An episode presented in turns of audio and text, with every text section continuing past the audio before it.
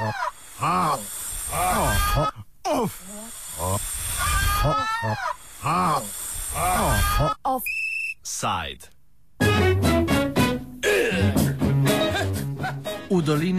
Omo v Etiopiji so vladne oblasti začele s prisilnim preseljevanjem tamkajšnjega avtohtonega prebivalstva.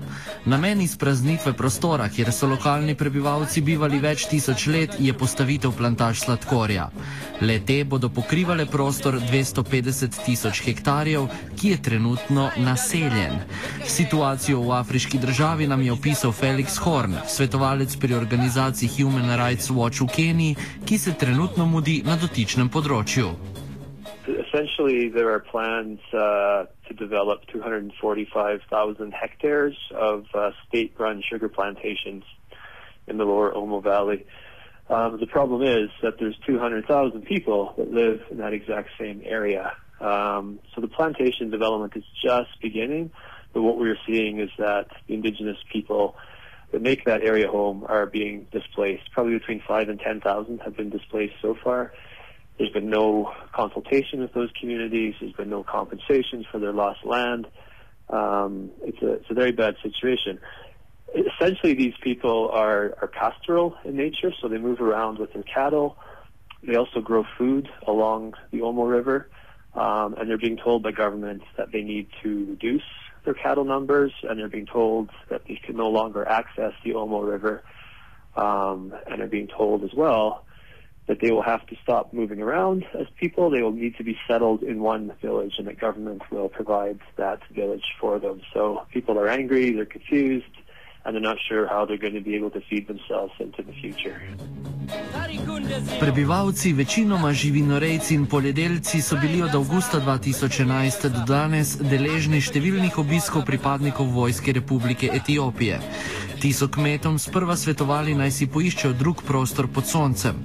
Prebivalcem niso ponujene druge možne lokacije za naselitev, njihovi protesti pa se stopnjujejo. Kdaj točno pa se je vsa zgodba začela, nadaljuje Horn. Um, so I was there in June 2011, and uh, people had just started to be, to be told that they were not to access the uh, the Omo River. Um, we've had some satellite imagery um, analyzed in the last few months that show um, sort of February, March, April, May of this year that the sugar plantations were beginning full operations in that northern part of the, the block, which means that people were displaced at, at that time. I mean, the lands that they used were now uh, under cultivation for sugar. I think it's important to point out that this is just the thin edge of the wedge. Like this is just starting out. Those satellite images show that of the 245,000 hectares that are planned, only 2,600 hectares have actually been cultivated so far, so about 1%. So the concern really is that the violations that we're seeing the uh, the frustration of the communities that we're seeing. It's just the beginning, and it could get much, much, much worse. Srčika problema je v dejstvu, da so ljudje, ki so strani etiopske vlade soočeni s preseljevanjem, enostavno brez izbire.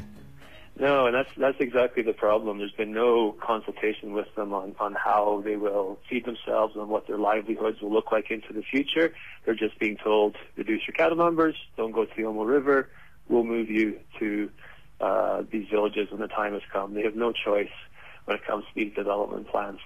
Um, you know, no one is saying that development is bad, but there's a process that needs to be followed under international law and under the Ethiopian constitution, and that essentially says that the indigenous communities have the right to decide their own future. They have to give their free, prior, and informed consent to any developments on their traditional lands, and that is not happening. Ben Rollins, raziskovalec iz organizacije Human Rights Watch, pojasnjuje nekaj več o ljudstvih, ki jih akcije etiopske vlade zadevajo. The indigenous people of the Omo Valley are among the most diverse and unique um, communities in the world. Their way of life has been unchanged for centuries. They've been on that land as long as anybody can remember, long before there was ever any state called Ethiopia. And their way of life has been pretty much unchanged. Um, they've been farming on the banks of the river and looking after their livestock for generations. Um, it's it's not just a question of, of employment. It's also about their way of life, about who they are, their identity. Um, so under international law, um, as well as Ethiopian law, um, they're not supposed to be moved without their consent. And even if they are moved, they're supposed to be compensated because they have the right to that land as property. Um, and neither of those things has happened. Življenja kolikšnega števila ljudi pa bodo ukrepi vplivali, nadaljuje Rawlence. Um, around 200,000 people are at risk of being displaced inside Ethiopia to make way for these big plantations and the sugar factories. And then about 300,000 people survive on Lake Turkana, which is fed by lake by the river Omo. Um, and the Omo River is going to be affected not just by the Gibe Dam, which is uh, upstream, uh, but now by the sugar plantations as well. And the combined effect of both of these things on the flow of Lake Turkana is unknown. The Ethiopian government has done some assessments, but that's only based on the effect of the dam, not the sugar plantations and the enormous amount of water that will be needed to irrigate them. So Lake Turkana is in a precarious situation. Nobody knows what the effect will be on that lake, and then of course with uh, diminished resources becomes comes a higher risk of conflict and all sorts of other problems. Več o reakcijah ljudi, ki se soočajo s preseljevanjem, Horne. Uh, well, the, this report was just released this morning, so we still uh, we'll wait and see what the, the reaction is from media. Certainly, with the communities that I talked to, um, people are, are confused. They don't know what to do. They're frustrated. They're angry in that region, the majority of people have uh, small arms, have uh, AK-47s. Um, it's just part of part of their culture, cattle raiding, low intensity uh, warfare between different ethnic groups. Um, so when you have a, a, disgruntled population who are very frustrated and don't see that there's any way for them to say no to these developments, uh, and they're heavily armed, I mean, there's the potential for uh, for a lot of, of violence. Um, Ethiopian military presence in the region is quite high in part likely due to anticipation of uh, of some sort of reaction from the, the local people. Um, but further down the valley, where the sugar plantation developments have not yet occurred but are scheduled to occur, people know very little about what is happening. I mean, this area is very underdeveloped. Um, indigenous groups, generally speaking, do not talk to each other. There's a, a language barrier. I mean, there's no cell, cell phone communication. There's no roads. There's uh, there's no infrastructure, so so word spreads very very slowly. So people are either in, in the dark about what is happening, or if they do know, they are uh, they're frustrated, they're confused, and they're uh, and they're angry. Horna smo vprašali, ali so v dogajanje upletene tudi kakšne multinacionalke. Well, that's what is interesting. So elsewhere in Ethiopia, there's been a lot of discussion of, you know, quote unquote land grabs where, where foreign companies are receiving large parcels of land to grow food. In this case, it's actually the Ethiopian government that is running these sugar plantations. Um, so it, it, is, it is them and, and, them alone. Having said that, uh, the India Ex-Im Bank, the Export-Import Bank, has provided $640 million U.S. in financing for Ethiopia's sugar industry. So they are certainly a, a partner in the uh, development of the sugar industry. Um, also, the international donor community um, provides funding for a program called the Protection of Basic Services, which is the world's largest multilateral donor program. Um, and the resettlement processes that are happening in Lower Omo are likely being paid for in part through that program.